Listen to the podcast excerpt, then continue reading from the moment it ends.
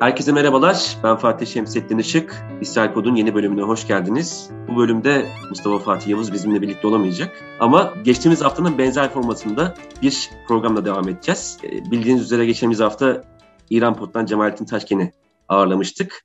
Bu hafta kadroyu biraz daha genişlettik ve Körfez Pod'dan Betül Doğan Akkaş da bizimle birlikte olacak. Hem Cemalettin hem Betül ikinize de hoş geldiniz diyorum. Nasılsınız? Hoş bulduk. İyiyiz Fatih. Sen nasılsın? Teşekkürler. Eyvallah. Fatih Bey hoş bulduk. İyiyiz. Teşekkür ederiz. Sağ olun. Eyvallah. Burada minik bir not düşelim. Ee, Betül'le bizim lisans yıllarından bir tanışıklığımız mevcut. Bilkent'te beraberdik. Yıllar sonra böyle bir vesileyle de bir araya geldik. Beni şahsen mutlu ediyor. Ee, Aynen. Şimdi arkadaşlar aslında bu programın adı İsrail Pod ama nihayetinde bölgede mesela bir Muhammed Bin Selman fenomeninden bahsediyoruz ya da bir Arap-İsrail normalleşmesi fenomeninden bahsediyoruz. Aynı zamanda İsrail ile İran arasında yaşanan bir gerilim var, nükleer müzakereler aynı şekilde devam ediyor. Evvelinde şunu sormak isterim size. Körfez'deki son gelişmeler aslında bu nükleer müzakerelerin biraz gölgesinde kaldı. Yani Suudi Arabistan'da Katar yakınlaştı, bir davet söz konusu oldu.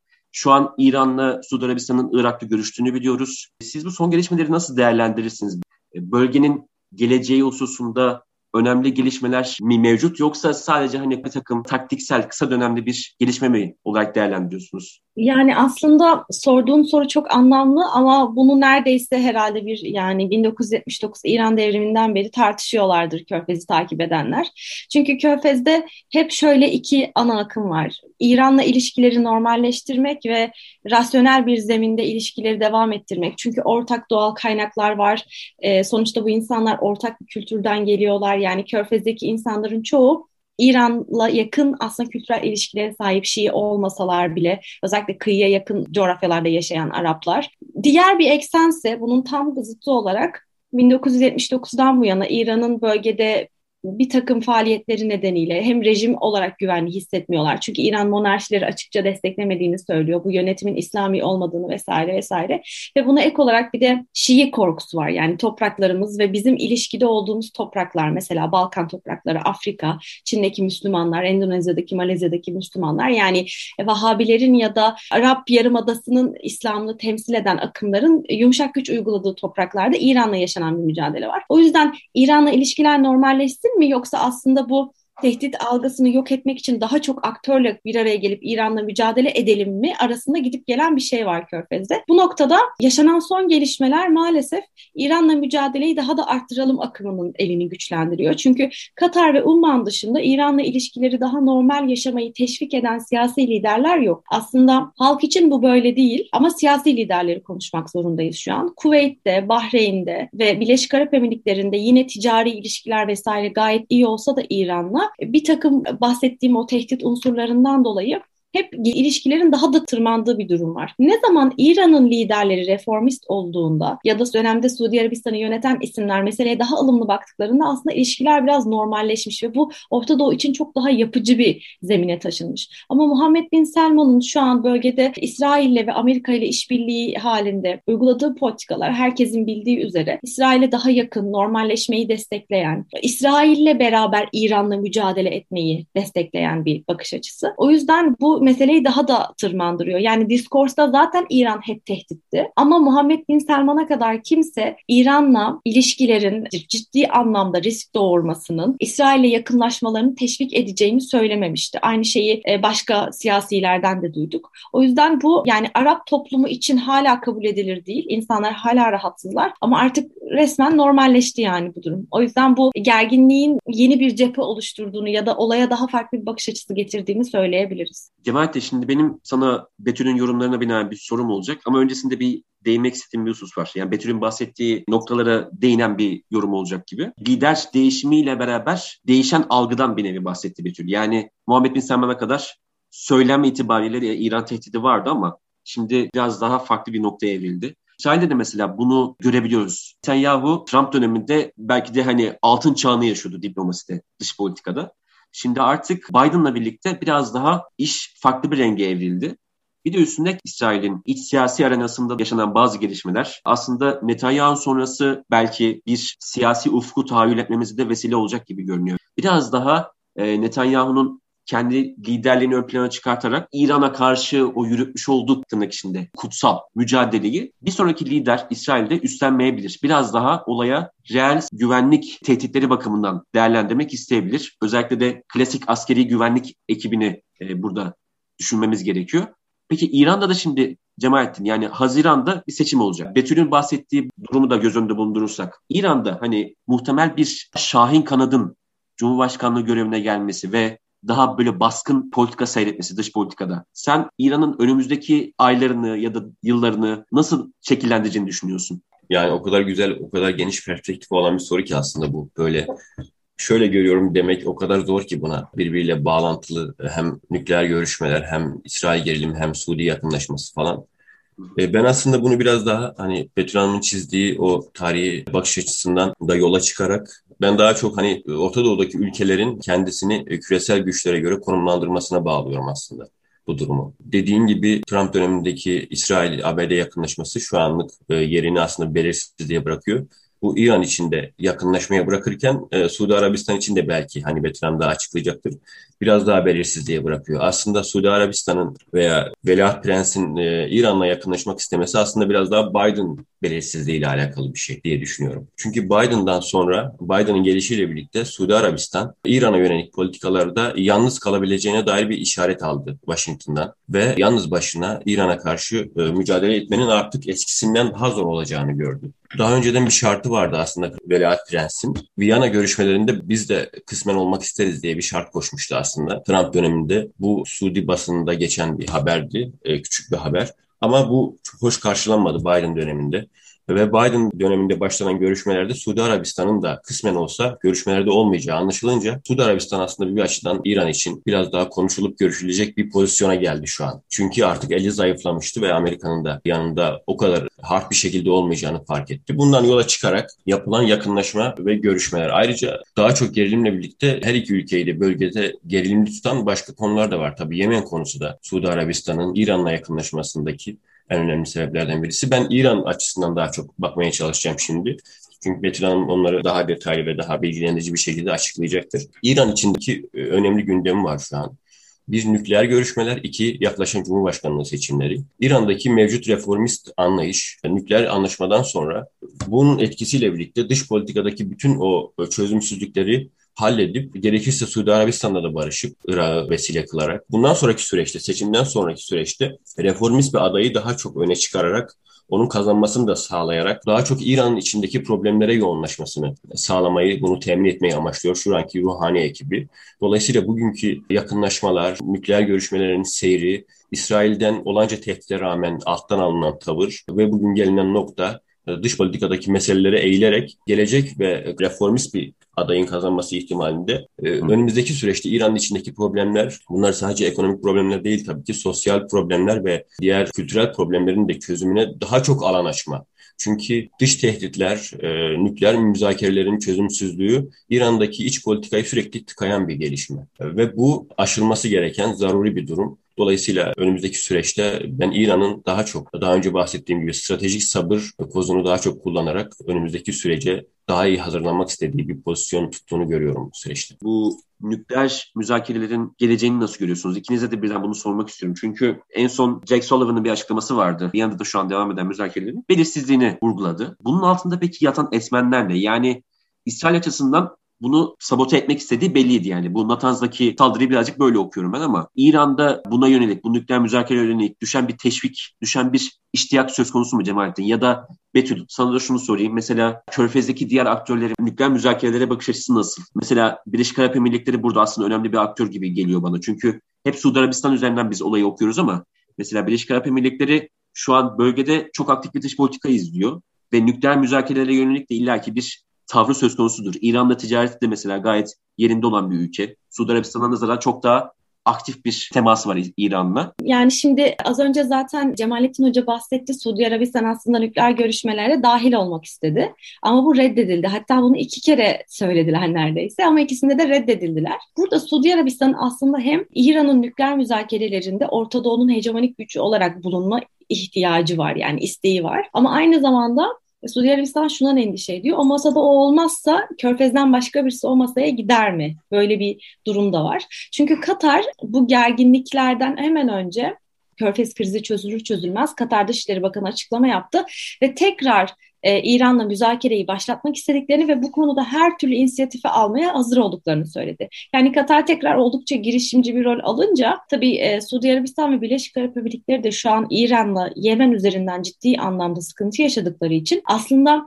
e, masada İran'a karşı ellerinde yeterince koz olsun istiyorlar. Ama şöyle bir sıkıntı var. Mesela İran'ı suçluyorlar topraklarına saldırı yapıldığı için mesela Suudi Arabistan füze atıldığı için vesaire sürekli böyle açıklamalar yapıyor. Ama İran her seferinde bunu onların yapmadığını kanıtlıyor bir şekilde yani Husilerin yaptığını. E, ama bu gerginlik e, işi bir sonraki boyuta taşıyor. Çünkü diyorlar ki bu, bu sefer de Husileri sen destekliyorsun. Burada, burada bir proxy savaşı var. E, o yüzden aslında Yemen'deki süreç biraz İran'ın Körfez'le olan ilişkilerini belirleyecek diyebiliriz. Birleşik Arap Emirlikleri çok önemli. E, ben böyle İran'daki müzakerelerle falan ilgili çok ciddi bir açıklama yaptıklarını görmedim. Benim gözümden kaçmış olabilir. Ama onlar zaten Yemen'de de Husilerle savaşmıyorlar. Yani Birleşik Arap Emirlikleri Yemen'de de İran'la mücadele etmiyor. Her ne kadar orada ikisi iki farklı grubu temsil etseler de o manevra alanları birbirleriyle çakışmıyor. Yani o yüzden Birleşik Arap Emirlikleri burada biraz yine o e, başarılı diplomasisini oynuyor. Yani İran'la ilişkilerini hiç riske atmıyor ama diskursta her zaman İran'ı kötülüyor. Yani bölgedeki bütün güvenlik problemlerinde, sıkıntılarında, artan mezhepçilikte hepsinde İran'ı suçluyor. Ama elle tutulduğunda İran'a karşı bir yaptırım olduğunu kesinlikle söyleyemeyiz. Bu noktada yani Katar'ın daha arabulucu bir rol alacağını düşünüyorum. Çünkü içinde yaşayan Şiilerle hiç problemi olmayan, İran'dan gelmiş yani yüzyıllar önce İran'dan gelmiş ama hala İran'la bağlantısı olan büyük aileleriyle sıkıntısı olmayan ülke burada Katar. Ama Kuveyt'in, Bahreyn'in ciddi Şii problemleri var. Umman da yine müzakereleri destekleyecek bir ülke. Çünkü zaten Umman her zaman İran'la ilişkilerini dengede yürüttü. Yani Umman ve Katar her zaman bu ilişkileri dengede yürüttüler. O yüzden ikisinin daha yapıcı rol alacağını düşünüyorum. E, ama bence Muhammed Bin Selman'ın buradaki diskorsunu ve tutumunu belirleyecek şey biraz Amerikan başkanının durumu olacak. Çünkü Muhammed Bin Selman ne kadar ön plana çıksa da bireysel olarak bir marka inşa etmeye çalışsa da şu anda bunu başarılı bir şekilde yapıyor Orta Doğu'da. Yine de ilişkilerini aslında biraz o Amerika-İsrail denkleminde kurduğu için e, onların söylediği şey de çok önemli yani bence bu noktada. Ama ben şeyi de çok merak ediyorum. Yani İran mesela nasıl karşılıyor? Körfez'in İsrail'le ilişkileri normalleştirmesini ya da Muhammed Bin Selman'ın söylemlerini yani İran toplumu ya da basını buna nasıl yaklaşıyor? Ben de bunu merak ediyorum eğer Cemalettin Hoca konuşmak isterse. Şimdi ben e, ilk önce bir önceki anlaşmaya çok kısaca değineyim. Orada e, 2015'te gene üzerinde anlaşmaya varılan e, nükleer mutabakatın e, bir benzeri şu an konuşuluyor. Orada İran şöyle bir hata yapmıştı kendi iç politikasında yayınlanan analizlere göre, köşe yazılarına göre. Diyorlar ki İranlılar biz anlaşmayı daha çok Avrupa üzerinden götürmeye çalıştık ve hata yaptık. Avrupa bize sonrasında sahip çıkmadı. Bazı problemleri yaşamamıza direkt Avrupa sebep aslında ekonomik ve sosyal problemleri. Ama bu sefer öyle yapmayalım dediler İranlılar. Bu sefer hem Körfez e, hem Çin hem de Rusya'yı da yanımıza alarak böyle bir şey yapalım dediler. Burada ben Körfez ülkelerini şöyle ayırıyorum e, İran'a karşı, İran bakış açısıyla. Problem yaşayan ülkeler, problem yaşamayan ülkeler. Burada iki ülke ileriye çıkıyor, öne çıkıyor. Lübnan ve Irak gerçekten İran'dan bıkmış bir halde artık bu iş olsun da biz de İran'a biraz destek de sağlayacaksak sağlayalım ve bu anlaşma artık olsun. İran'da bizim topraklarımızdan gayrimeşru varlığını çeksin ve biz de artık yeniden bir ülke olmaya çalışalım. Hem de İran'la Körfez arasındaki bağı güçlü tutalım ki o yüzden İran burada riske girip görüşmelerde aracı olması da hem kendi açısından avantajlı hem de artık İran'ı Irak topraklarında istememesinin bir sonucu aslında. Dolayısıyla İran'da şöyle düşünüyor bu konuyla alakalı. Muhafazakar kesimin yeniden iktidara gelmemesi için ve reformistlerin tekrar iktidarda kalıp e, bundan sonraki varlıklarını devam ettirmesi için Körfez'de artık kavgadan ziyade konuşulabilir bir problem ortamının, problemler olsa bile artık proxy güçleriyle değil de daha çok diplomasi yürütülerek halledilebilecek bir ortamın olmasından yana artık İran siyaseti de. İran'daki reformi siyasetten bahsediyorum. Ve bunlar da seçime giderken büyük bir kavganın tarafı aslında. İran'ın iç problemlerinin bir yansıması bu da. Dolayısıyla İran'ın şu anki dış siyasette bakış açısı artık Çin ve Rusya üzerinden onların da maddi manevi desteğini alarak ki burada imzalanan Çin anlaşması da bu biraz bunun işareti ve Körfez ülkeleriyle de e, ilişki kapısını aralayarak hatta ben şunu okumuştum. E, Suudi Arabistan'dan önce e, diğer ülkelerle de teması oldu. Diğer körfez ülkelerinde de İran'ın, Birleşik Arap Emirlikleri, Ondan sonra Katar ve Bahreyn'le de sıkı temasları oldu bununla alakalı. İran aslında e, Suudi Arabistan'ın yaşadığı gerilimden ötürü bu başlık çok öne çıktı ama İran'ın bütün körfez ülkeleriyle şu an bir diyalog zemini aradığını söyleyebiliriz. Bundan sonraki süreçte İran'ın bölgesel problemleri daha çok diplomasi zemininde konuşmaya çalışan bir politik vizyona bürünmek istediğini söyleyebiliriz reformist kanatla birlikte. Çünkü Ruhani'nin artık İran'ın Batı ile anlaşması, Körfez'le normalleşmesi adına İran adına son bir şans olduğunu düşünüyorum ben. Eğer Ruhani ve ekibi giderse mutedil söyleme sahip iktidalli ekip gidip de yerine asker kökenli ya da devrim muhafızlar ordusundan bir komutanın cumhurbaşkanı olacağı bir süreçte problemlerin yeniden başlayacağı ve yolların yeniden kilitleneceğini söyleyebilirim yani bu süreçten sonra. Dolayısıyla bu bir şanstı. Son 3-5 ay içerisinde ruhani yönetim bu şansı kullanmak istiyor ve barış adına iyi bir havayı da arkasına almış durumda. Hem halktan hem de basından şu an İran iç basında. Burada ben de bir ufak bir not düşmek istiyorum. Özellikle İsrail açısından yani Muhammed Bin Selman'ın öncülük ettiği e, Arap-İsrail yakınlaşması hususunda. Netanyahu bu işin İsrail kanadının öncüsüydü. Ama Netanyahu sonrasında yani bu ihtimali artık daha güçlü buluyorum e, İsrail siyasetinde. Nasıl bir güvenlik algısı olacak İran'a karşı, Körfez'e karşı. Ama İsrail için şunu söyleyebilirim. Yani Netanyahu'dan bağımsız bir şekilde bunu söylemek lazım. Bu kurulan iyi ilişkilere rağmen Körfez'le özellikle Birleşik Arap Emirlikleri Afrika'da bile bunun yani yansımasını görüyoruz. Birleşik Arap Emirlikleri'nin adeta böyle bir tabirimi mazur görün. Hani maymuncuk gibi adeta bir hareket edip önden kapıyı açıp İsrail'in güvenlik anlamında sunduğu bazı teşviklerle birlikte orada bir açılım gerçekleştirdiğini gördük. Şimdi ama İsrail şunu düşünüyor Körfez'le ilgili her zaman. Filistinlere yönelik özellikle bir husus, bir mesele ortaya çıktığı vakit başvuracağı mecralar bellidir İsrail'in. Güvenlik elitinin özellikle. Bu sivil veya askeri kanalı fark etmez. Mısır ve Ürdün'dür. Şimdi artık Körfez hususunda İsrail güvenlik anlamında bir işbirliğine gitse de temelde yine Filistin meselesinde Mısır ve Ürdün'den bağımsız hareket edemeyeceğini görüyor. Ve de Körfez'in kendisine sağlayacağı ticari anlamda faydalarını da yaban atmak istemeyecektir ama bir zaman güvenlik işbirliği anlamında ana aktörün Körfez olduğu bir İsrail dış politikasını ben tahayyül edemiyorum. Çünkü coğrafi itibariyle buna mahkum gibi geliyor bana. Ama bir yandan da şunu söylemek lazım. Aslında merak ettiğim hususlardan birisiydi. Geçen hafta da bunu Cemalettin'e sormak istiyordum. Şimdi Hamas fenomeni var. Son yıllarda özellikle Arap Baharı olayları itibariyle işte Suriye'deydi, Doha'ya geçti. Acaba Cemalettin sence Hamas'ın bu son yıllarda yaşadığı görece düşüş, görece hani gücünden birazcık taviz vermek zorunda kalması, tabii abluka'nın da ciddi anlamda e, artık pandemiden de ötürü ağır sonuçlarının olduğunu düşünürsek, İran'ın Hamas'a yönelik bir yaklaşımı söz konusu mu? Ve Betül, mesela Hamas'ın böyle bir meyli olması durumunda Katar mesela buna nasıl bakar ya da Körfez'deki diğer aktörler nasıl değerlendirir? Hamas biraz zaten e, şu an riskli bir pozisyonda ne derler bıçak sırtı mı derler yani Hamas için biraz. Yani aslında şöyle e, Körfez genelinde şöyle bir algı var son yıllarda ve Birleşik Arap Emirlikleri ve Muhammed Bin Selman bunun öncüsü ama en çok e, MBZ yani e, Birleşik Arap Emirlikleri'nin veliaht prensi. Siyasal İslam'a çok tepkililer. Yani siyasal İslam'ın e, sadece monarşilerde değil dünya genelinde İslam'ın temsilinde sıkıntı yarattığını aslında İslam'ın daha yumuşak olduğunu,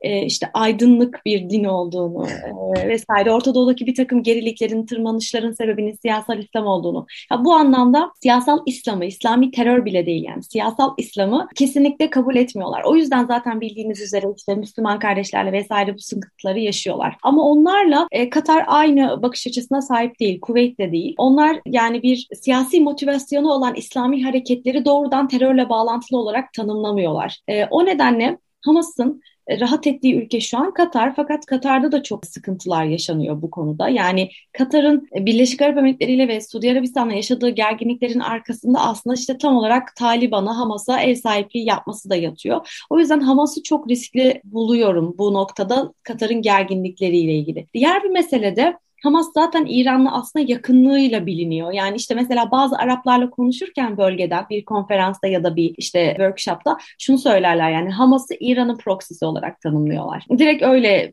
görüyorlar yani işte İran tarafından desteklendiğini vesaire. O yüzden aslında bu anlamda Körfez'de hem siyasi elitin zihninde hem bir takım işte karar mekanizmalarını etki edebilecek belki lobi yapabilecek insanların şeyinde Hamas zaten %100 temiz bir organizasyon kesinlikle değil. O açıdan biraz sıkıntılar var. Bu gerginlik nereye gider onu kestiremiyorum. Çünkü şu an Katar zaten bu dengeleme politikasını bayağı e, zor bir şekilde devam ettiriyor. Devam ettiriyor ama zor bir şekilde devam ettiriyor. O yüzden belki bu biraz daha bu normalleşme sürecinde çünkü Filistinlilere hem normalleşip hem de biz sizin yanınızdayız. İsrail'le normalleşmemiz aslında Filistin'e barış gelmesinin ön koşulu. O yüzden bunu yaptık. Hep bu imajı verdiler. Mesela bu konularda Katar çok sessiz kaldı. Ve Katarlıların işte sosyal medya paylaşımlarında falan da hep onu gördük. İşte bu sadece işin bahanesi, böyle bir şey olamaz gibi bir yaklaşım da vardı. O yüzden bu normalleşmenin e, biraz daha rayına oturduğu süreçte normalleşen ülkeler Filistin politikasını ne ölçüde kullanacak ve bu anlamda Katar kendini nasıl bir konumlandırmaya koyacak bence ona bağlı. Ama kesin bir cevabı olmamakla beraber Hamas'ın mutlaka riskli bir pozisyonda olduğunu söyleyebilirim yani. Şimdi Betül Hanım çok güzel bir yere taşıdı konuyu. Yani oradaki Körfez ülkelerinin Hamas'a yaklaşımı aslında İran'a çok önemli bir alan açıyor. Onların İran'a, siyasal İslamcı örgütlere, yapılara, kuruluşlara yaklaşımı İran için çok önemli bir fırsat ve İran'da burada tam aksine siyasal İslamcı yapılarla daha iyi ilişkileri olan bir ülke aynı zamanda. Fakat İran'ın Hamas'la mezhepsel sorunu var ayrıca. Bununla iyi bir ilişkileri var ama e, Sünni tendaslı bir örgütle ne kadar ileri götürebilir bazı şeyleri ya da ne kadar ilişki kurabilir bu soruyu sormak lazım. Bir de İran'ın e, dönemsel olarak böyle yeni yeni ilişkilere girdiği örgütler oluyor. Şu dönemde artık Hamas'ı Filistin-İsrail sorununda daha aktif kullanamayacağını anladığı yerlerde kendi Filistin içerisinde aktif hale getirebileceği artık Şii örgütleri var İran'ın. Es-Sabirin diye Filistin tendanslı, Filistin e, eski Sünni kökenli Şii örgütleri var. Artık Hamas İran için e, olmazsa olmaz değil eskisi gibi. Şu anlık görüş açısı, bakış açısı İran'ın böyle ve Amerika ile bağlantılı bir durum aslında bu. İran'ın dönem dönem Hamas'la ilişkilerini kestikten sonra yeniden Taliban'la şu an görüştüğü dönemler var. Orayı Afganistan'da yeniden e, Amerika ile bir alan paylaşımı adına Taliban'la şu an daha sıkı ilişkili içerisinde İran'ın genel olarak bakış açısı dönemsel gelişmelere göre değişiyor. Şu anlık İsrail-Filistin probleminde Hamas'ı aktif olarak kullanamadığı için şu an farklı bir yollar deniyor. Daha çok e, Hamas'la ilişkisi bu şekilde. Yani benim İran'daki şeyi çok merak ediyorum. Hani toplumsal ya da işte siyasi diskors nasıl oluyor yani Körfez'le ilgili. işte Körfez'de çünkü mesela bu inanılmaz değişti ambargodan sonra. İran birden herkesin sempatik ülkesi haline geldi. Şeyi çok merak ediyorum yani İran'daki Körfez ülkesi algısı nasıl vesaire onları falan konuşabiliriz. Bunu ben hani Fars dili ve edebiyatı mezun olduğum için e, daha çok şiirle anlamaya çalışıyorum. Klasik şiiri severim.